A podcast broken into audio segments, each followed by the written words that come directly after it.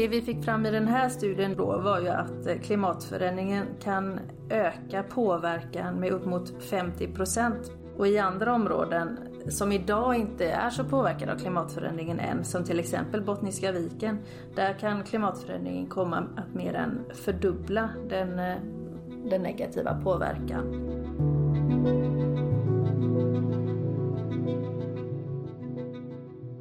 Övergödning, försurning och föroreningar, det är bara några av de hot som finns mot arterna i havet.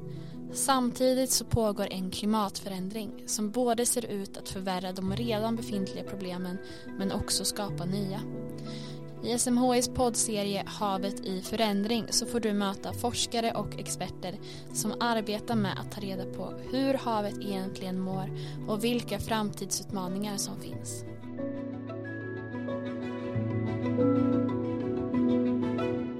Hej och välkomna till SMHI-podden. Jag heter Olivia Larsson och är klimatvetare och jobbar med kommunikation här på SMHI. Och det här avsnittet det kommer bestå av tre stycken olika lite kortare intervjuer och först ut är Helene Andersson, forskningschef på SMHI och som även är doktor i oceanografi. Välkommen hit Helene. Tack så mycket. Och jag tänker att det finns många som har lyssnat på de här avsnitten och som tidigare kanske inte ens visste att SMHI håller på med havsfrågor. Hur skulle du beskriva SMHIs arbete i den här situationen när vi har hav som är starkt påverkade av olika mänskliga aktiviteter? Liksom, vad är det som man gör för att situationen ska bli bättre i haven? Eh, SMHIs roll i havsarbetet är många olika. Eh, för att man ska kunna förstå både hur havet förändras och om man försöker förbättra situationen i havet, vad som har effekt eller så, vad som händer, så behöver man eh, kunskap i botten, man behöver data från havet, man mm. behöver mätningar från havet och man behöver modeller som hjälper oss för att eh, förstå komplexa samband i havet. Och SMHI jobbar med alla de här delarna. Så det är dels liksom en del på SMHI då som är ute på havet, fångar upp vad som sker yeah. och sen så är det en del som beräknar. Sen tar vi hand om den där datan, ja. Men mm. datan är ju, det är liksom guldet i havet, eller alltid guldet för att förstå hur eh, jorden förändras överlag. Och de här långa tidsserierna som vi får, eh, mätserier, man behöver dem över lång tid och regelbundet och på, på samma platser och så för att kunna se förändringar. Men eh, sen så gör vi också mycket arbete med beräkningsmodeller och matematiska fysiska beräkningsmodeller. Och det är ju för att det är så mycket komplext i, i havet som inte går att, förstå om man inte har ja, en beräkningsmodell. Det finns ju en plansch på dig här ute. Ja. I, i kulverten på SMHI. Ja, och då så står det ett väldigt bra citat eh, där det står att modellerna är våra labb. Ja, det är våra labb. Ja. Som du har ja. sagt. Att man... Ja, men precis. För det, man vill ju testa saker, både förståelsen och vad som händer om man gör någonting med havet. Eller, det, det kan ju vara att man vill ha en åtgärd som kostar jättemycket pengar som man tänker sig ska förbättra situationen i havet. Men då vill man ju kanske inte gå ut i havet och prova detta. Men då kan man ju simulera det i, i en beräkningsmodell och då blir den ju som ett labb fast i datorn. Mm. För att se vad som händer. Så det är verkligen våra labb, där tar vi reda på eh, hur, hur havet funkar. Så forskarna på SMHI är inte så klädda i vit labbrock? Inte så ofta, ibland är de ju inne i labbet som också mm. finns på SMHI nere på Nya Varvet i Göteborg och eh, gör analyser och tittar eh, på plankton och sånt här och då har de labbrock men inte så ofta modellerarna, nej. Nej, de sitter ofta i datalabben. Eller ja, i modellerna då. Och där är det en annan uniform som gäller. Mm. Och i de här labben då, i de här modellerna, då har ju vi lärt oss genom den här säsongen att man kan använda dem till en massa olika grejer. Man kan kolla på vad som händer med temperaturen i havet, om man släpper ut mycket eller lite växthusgaser. Man kan kolla på hur övergödningen påverkar de syrefria bottnarna, om man släpper ut mycket eller lite näringsämnen. Och att man då till och med kan använda de här oceanografiska modellerna till att eh, kolla på hur invasiva arter sprids med havsströmmar. Så de kan användas till mycket. Ja, precis. Och, och, det är ju vad vi än gör, vi människor, så påverkar ju vi vår naturmiljö på något sätt. Det är ju nästan oundvikligt. Men när man, när man påverkar havet på ett sätt som kan, man kanske inte alltid är medveten om, alltså, alltså så var det när övergödningsproblematiken började ju med att man hade mycket näringsämnen, eh, eh gödsel och så vidare då som hamnade i havet. Och, och det ju kanske en ren okunskap eh, att det fick så stor påverkan på havet. Men, men det är ju det, det är väldigt långa tidsskalor i havet. Det kan ta lång, lång tid, kanske 30, 40 eller mer år innan man kanske blir av med sånt som man har åstadkommit. Så det är väldigt långa tidsskalor. Och eh, mycket av den övergödningsproblematik vi lever med idag startade ju för vad vi släppte ut på 60-talet till Östersjön. Mm. Och, och då, därför, därför hjälper ju modellerna oss för att vi behöver vara extra noggranna när vi gör någonting med, med havet. För det är inte bara att gå ut och städa lite grann utan mm. det, det, det, blir svårt, ibland omöjligt och det blir kostsamt om man åstadkommer någonting som man inte hade tänkt sig. Och eh, då är det ju bra förstås, eh, ja, helst ska man ju inte göra några större påverkan på havet på det viset men, men eh, gör man någonting eller bygger någonting eller så i havet, det kan ju vara man bygger en Öresundsbro till exempel eller mm. vad som helst, så kommer ju det påverka miljön på olika sätt och då är det bra att simulera det i modeller först så att man verkligen vet vilka konsekvenser får det, så att man inte står med någonting där decennier sedan kanske. Och nu förstås då när vi släpper ut mycket växthusgaser och så, då kan vi också, det ser vi ju redan nu i, i haven i, i mätserier, att det, uppvärmningen påverkar ju också haven. Men man kan ju också se på lång sikt då, om vi fortsätter att släppa ut på en viss nivå, hur kommer havet förändras då?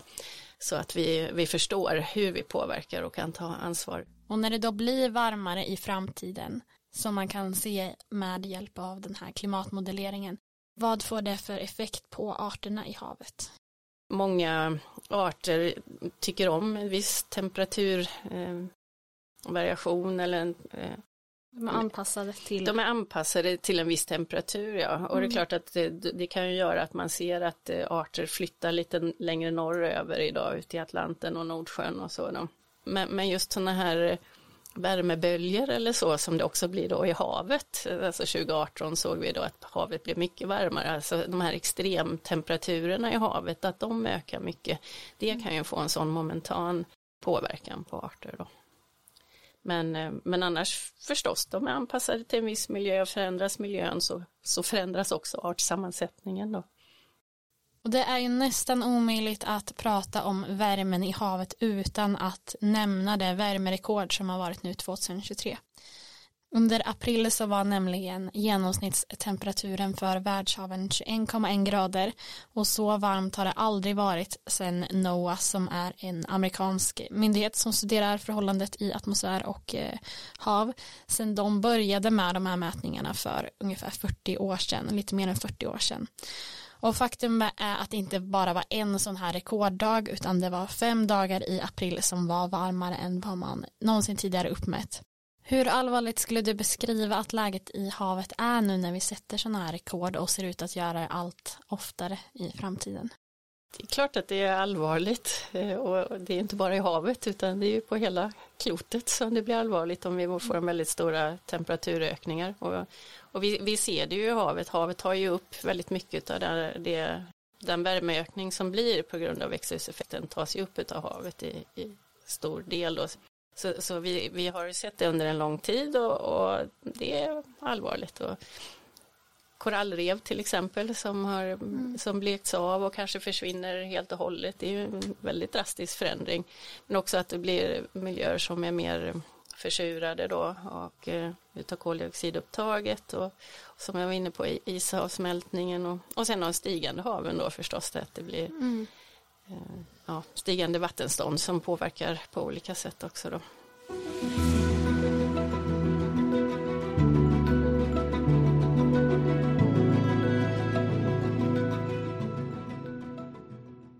Och som Helene Andersson var inne på tidigare så sker det en massa saker med havet när vi har en global uppvärmning. Temperaturen ökar, isutbredningen blir mindre och havet stiger. Men en annan sak som sker är att salthalten kan förändras och det här är ganska komplext för att det kan se lite olika ut beroende på vart på jorden man befinner sig. För att med den globala uppvärmningen så kan det finnas vissa ställen där salthaltsförändringen domineras av att det blir en ökad avdunstning när det blir varmare och havet blir då saltare medan på andra ställen så domineras salthaltsförändringen av att eh, det blir en ökad avrinning av sötvatten från land istället. Så det är komplext och det ska sägas att i Östersjön så är det här ganska osäkert och någonting man forskar mycket på nu. Men vi ska gå vidare i det här avsnittet och vi ska lyssna på en intervju med Elin Almroth Rosell som är doktor i marin kemi och forskare på SMHI. Och vi ska börja med att hon får berätta mer om hur arterna i Östersjön påverkas av en förändrad salthalt. Eh, ja, det är ju så att olika arter är anpassade till olika förhållanden.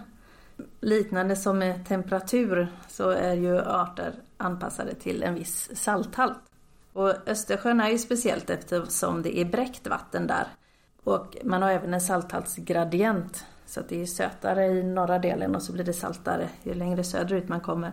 Men där lever både saltvattensarter och sötvattensarter. Och de lever ju under ganska stor stress i och med att salthalten är låg. Så att sötvattensarterna de har ju egentligen inte för hög salthalt medan saltvattenarterna de har ju lite för låg salthalt för att de ska egentligen trivas alldeles perfekt.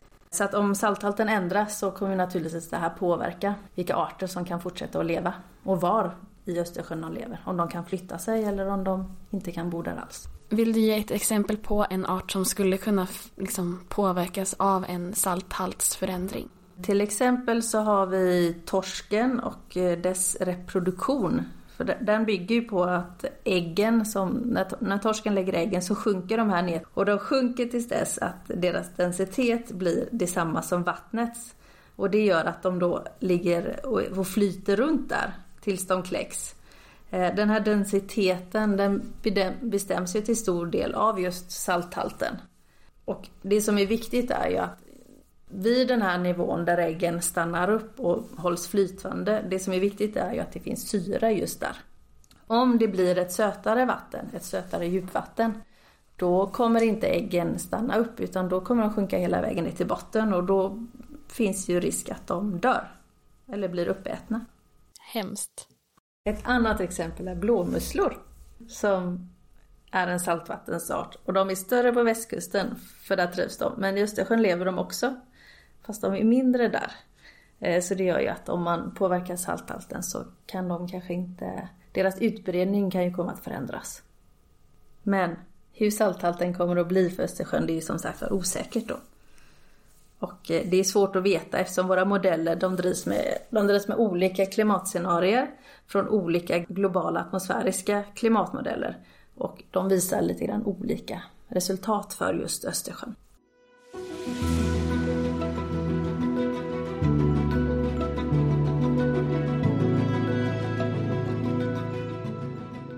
Nu ska vi prata om en vetenskaplig artikel med det något avslöjande namnet Eh, på svenska blir det typ klimatförändringens påverkan på kustnära hav är lika stor som all annan nuvarande påverkan på havet kombinerat.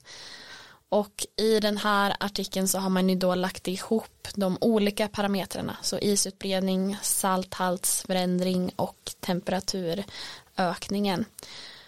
Och sen så har man liksom kollat på den totala påverkan som klimatförändringen har på havet.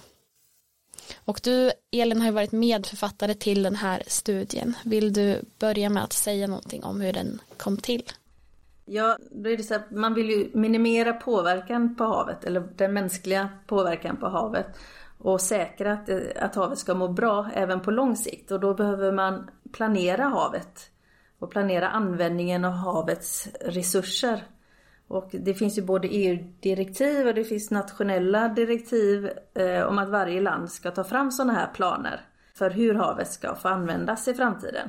Och eh, för att kunna göra det så har Havs och vattenmyndigheten utvecklat ett verktyg där man med hjälp av, av eh, geografiska kartor så visar man hur olika aktiviteter påverkar olika ekosystemkomponenter i olika delar av om, olika områden. Och vad är en ekosystemkomponent? Ja, en ekosystemkomponent då, det är ett lite krångligt ord, men det är egentligen bara olika, till exempel en art, det kan vara en fisk, säl, eh, musslor, ålgräs.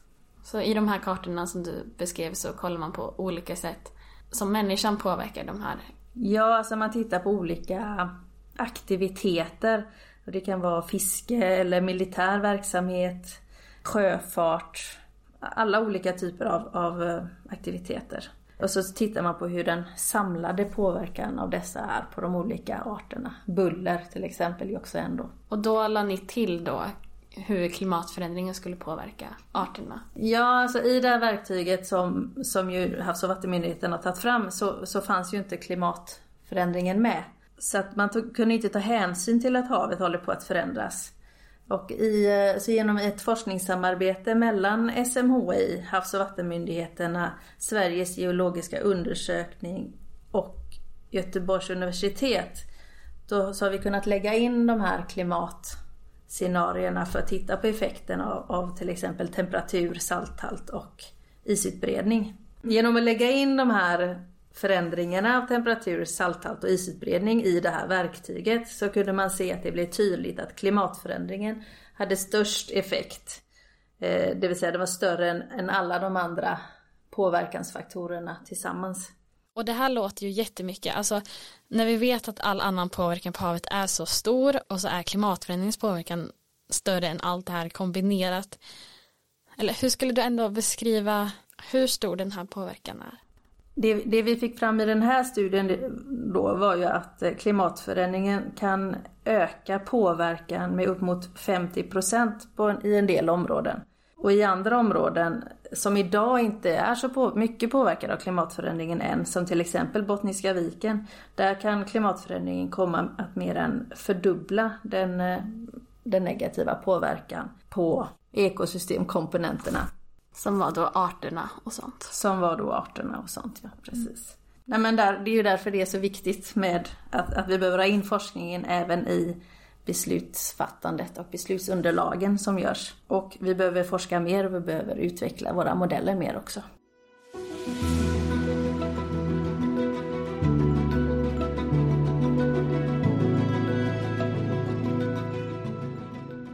Så klimatförändringens påverkan på det marina ekosystemet den är stor och påverkan på havet kan se ut på många olika sätt. Och resten av det här avsnittet ska bli en sorts fördjupning och då har vi valt att fokusera på hur klimatförändringen påverkar växtplankton. Och eh, det ska vi göra med Bengt Karlsson som är doktor i marin botanik och forskare här på SMHI. Och för de som lyssnade på det förra avsnittet så hörde ni när Bengt då beskrev växtplanktonen som grunden i själva det marina ekosystemet. Och jag besökte då Bengt på forskningsfartyget Svea där jag fick lära mig om hur man samlar in data om växtplankton. Och det är där vi ska lyssna på nu först. Nu är jag på forskningsfartyget Svea som har varit ute under en vecka och mätt i havet. Och det är en sorts resa som man gör cirka en gång i månaden. Och nu är jag här med Bengt Karlsson som är doktor i marin botanik och som forskar på växtplankton. Och om ni hör lite bakgrundsljud så är det för att vi är i ett ferryboxrum. Vad är det för något Bengt? På fartyget Svea här så nu är vi nere ungefär vid vattenlinjen eller strax under vattenlinjen. Här tar vi in vatten som vi gör kontinuerliga mätningar på. Så vi mäter sånt här som salthalt och klorofyll och liknande. Och vitsen med det är att vi får väldigt bra yttäckning eftersom vi mäter kontinuerligt under gång. Och du som forskar på just växtplankton och alger, vad är det som du är mest intresserad av i de här mätningarna? Ja, det viktigaste instrumentet vi har här det är ett sorts automatiskt mikroskop. Det kallas för en flödescytometer och det innebär då att eh, havsvattnet trycks igenom en liten, ja, vi kallar det för en kuvett eller en liten kammare då. Och eh, växtplanktonen där, de hamnar då på rad. Så att då låter vi en kamera ta bild på alla växtplankton som passerar. Och de här eh, växtplankton de är ju pyttesmå. Men de kan ändå liksom fotograferas och hamna på en rad. Ja, jag kan formulera det så här istället att eh, det finns väldigt många olika växtplankton. Och eh, de har olika egenskaper och så. Så det är viktigt att veta vilka arter det är. Inte bara hur stora de är eller hur många de är. Och med det här då automatiska mikroskopet eller flödescytometern. Där kan vi faktiskt ta bilder på tusentals växtplankton i ett prov. Och så använder vi sen eh, automatisk bildanalys, en sorts artificiell intelligensteknik då för att träna upp de här algoritmerna som det kallas för. Så att en eh, specialist på växtplankton tittar på ett antal bilder och så har vi det som ett träningsdataset som sen den här AI AI-algoritmen då använder. Eh, och då kan vi köra igenom hundratusentals, för att inte säga miljontals bilder som vi samlar in med det här mätinstrumentet ombord. Men är det här mikroskopet? Eller vad är mikroskopet? Ja, nu pekar Olivia på ett rör som står på golvet här i färgboxrummet. Och röret ser inte mycket ut för världen, men ovanpå det så sitter det några små slangar här eh, och några kontakter. Och de här små slangarna de är kopplade till det här vattenflödet då, som vi, vi pumpar ju in havsvatten då från, från havet in i båten här. Och så går det genom de här små slangarna ner i, in i själva mätinstrumentet. Det jag kallar för flödescytometer med en kamera inkopplad. Eh, så att allting händer inuti där. Där är både mekanik och elektronik och optik och det sitter en laser och en kamera. Eh, så det är ett ganska komplicerat instrument. Ja, det verkar väldigt komplicerat men vi ser ju bara ett rör så det är inte mycket vi kan beskriva förutom det här som händer inne. Men vi kan vända oss om här och titta på en datorskärm istället. För att eh, instrumentet är ju kopplat då till, eller den har sin egen dator inuti sig men den, den kan vi då titta på resultaten medan det går.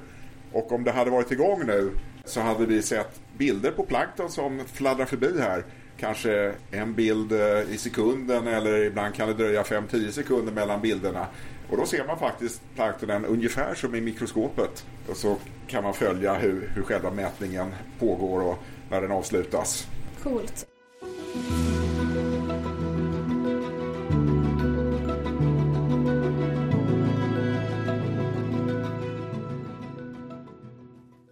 Resten av intervjun får vi spela in på forskningsfartyget Sveas tv-rum för att eh, det inte ska bli så mycket bakgrundsljud. Och ja, det är faktiskt så att Svea har ett tv-rum. Det är alltså ett stort forskningsfartyg, ungefär 60 meter långt. Jag var ju rädd att jag inte skulle hitta dit, men eh, det var ju svårt att missa i Lysekils hamn. Men i alla fall, det är ju inte bara med Svea som SMHI observerar växtplankton utan speciellt de här grötiga massorna av algblomning som uppkommer på grund av så kallade cyanobakterier, de kan man studera från långt håll. Och det här ska Bengt Karlsson få berätta mer om.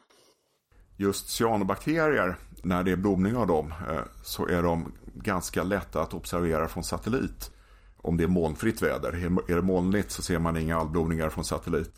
Eh, men SMHI bedriver ju också då algövervakning eh, från satellit som de här olika metoderna att vi är ute med fartyg, att vi använder automatiska mätsystem, det vi kallar för ferrybox-system på lastfartyg och att vi mäter eh, från eh, forskningsfartyget Svea, de kompletterar varandra.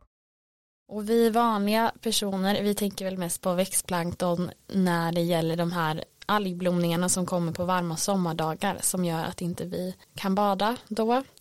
Och då tänker jag så här, de här algblomningarna kommer ju när det är riktigt varmt. Betyder det också att de blir vanligare med den globala uppvärmningen? Det korta svaret är ja. Det lite längre svaret är ju att eh, i, det är framförallt i Östersjön då och i insjöar vi har den här typ av, typen av blomningar du nämnde när det blir så mycket alger så att de flyter upp till ytan och det blir mer gegga i vattnet. Och då är det ju cyanobakterier, det som förut kallades för blågrönalger, eh, som blommar. Och i Östersjön, cyanobakterierna, de finns där varje sommar. Eh, under andra delar, av, andra delar av året är det andra alger som det är mest av. Men under sommaren så är det mycket cyanobakterier. Men man ser dem inte om det inte blir svaga vindar. för då flyter de upp till ytan och, och man ser dem. Eh, men cyanobakterier de gynnas av högre temperatur. Men det här med en högre temperatur det innebär ju inte att alla cyanobakterier gynnas av detta. Utan det är vissa som gynnas och så det kommer alltså bli förändringar i artsammansättning när temperatur ändras och när klimatförändringar slår igenom på andra sätt. Det är ju även salthalt och annat som påverkas. Och ni är ute och mäter varje månad. Har man kunnat se någon förändring än när det gäller cyanobakterier? Det har vi. Så i Östersjön så några av de här cyanobakterierna har faktiskt minskat eh, medan andra har ökat. Det vi har sett allra tydligast det är att det har skett en ökning i Bottenhavet, alltså norr om Åland. Där har det blivit mer av de här cyanobakterieblomningarna med ytansamlingar de senaste 10-15 åren än, än vad det var tidigare. Går det att koppla det till en ökad temperatur i havet där? Antagligen inte. Och det hänger delvis ihop med att vi inte har så långa mätserier. 15 år är inte en lång tid om man tittar på klimatförändringar utan då kan man titta på effekter av väder. Men just i Bottenhavet så beror ändringen antagligen på att ökad tillgång på fosfat. Och fosfat är då ett näringsämne som de här cyanobakterierna gillar.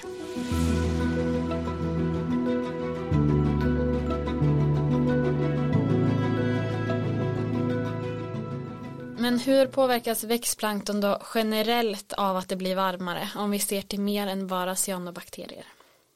Att haven blir varmare det påverkar ju växtplankton och, och mikroalger i allmänhet. Så att de arter som vi har här nu där det är relativt kallt i vattnet i haven runt Sverige kommer sannolikt att ersättas då av andra arter som trivs i varmare vatten helt enkelt. Som vi har längre söderut i Europa idag. Så det är väldigt troligt att vi kommer få förändringar då i artsammansättningen och att en del av arterna som, som är skadliga då på olika sätt, att de producerar alggifter, eh, kan komma hit. Men även att några av de arterna vi har här idag som också producerar alggifter eh, kanske försvinner då när det blir varmare i vattnet. Men hur kan då den här förändringen i artsammansättning se ut? Ett exempel på en art som verkar spridas och gynnas då av att det är varmare i vattnet det är en art, en mikroalg, eh, som finns, som lever på bottnarna i närheten av korallrev. Och eh, algen producerar ett gift och eh, giftet kan då ansamlas i, i fisk.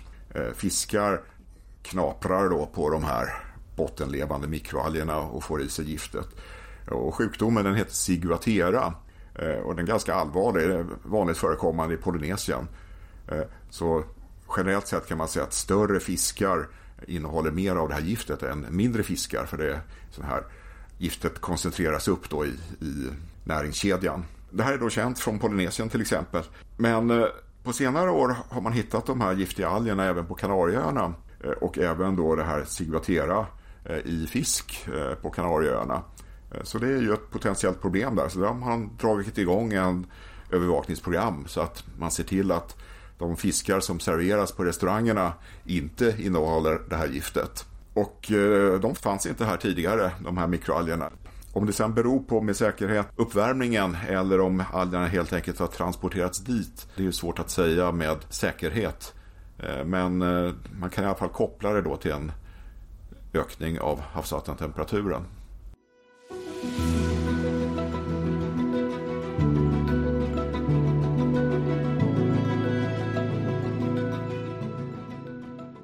Och det var faktiskt allting för det här avsnittet och faktiskt allting för den här lilla säsongen om havet i förändring. Men det var inte allting för SMHI-podden utan det kommer komma fler avsnitt. Till hösten blir det bland annat en säsong om extrema vattenhändelser. Så det blir spännande. Men gäster i det här avsnittet har alltså varit Helene Andersson som är forskningschef på SMHI och Bengt Karlsson och Elin Almroth Rosell som är forskare vid den oceanografiska forskningsavdelningen på SMHI. Och jag heter Olivia Larsson. Du har lyssnat på en podd från SMHI, Sveriges meteorologiska och hydrologiska institut.